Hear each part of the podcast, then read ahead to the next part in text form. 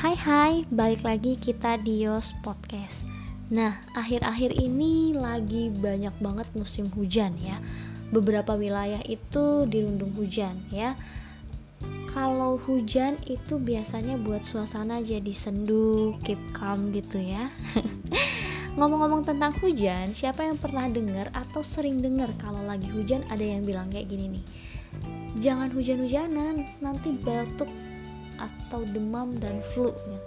Tahu, hati-hati jangan kena hujan nanti sakit loh. Lah, apa hubungannya air air hujan dengan batuk, pilek dan juga demam? Toh kalau kita tampung air hujan lalu kita pakai itu air hujan untuk mandi, nggak berakibat apa-apa.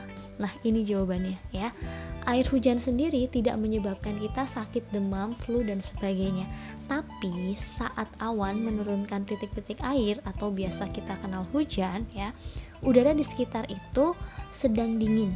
Nah, saat suhu dingin ini menyebabkan sistem um, imun tubuh kita itu melemah ya makanya tubuh kita rentan terinfeksi bakteri virus atau patogen lain ya sehingga saat Hujan turun dan suhu udara dingin, kemungkinan tubuh dapat terinfeksi bakteri, virus, atau patogen akibat melemahnya sistem imun tubuh ya.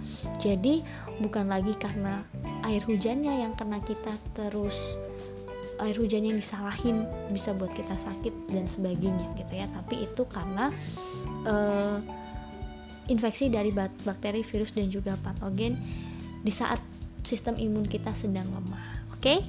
Bye!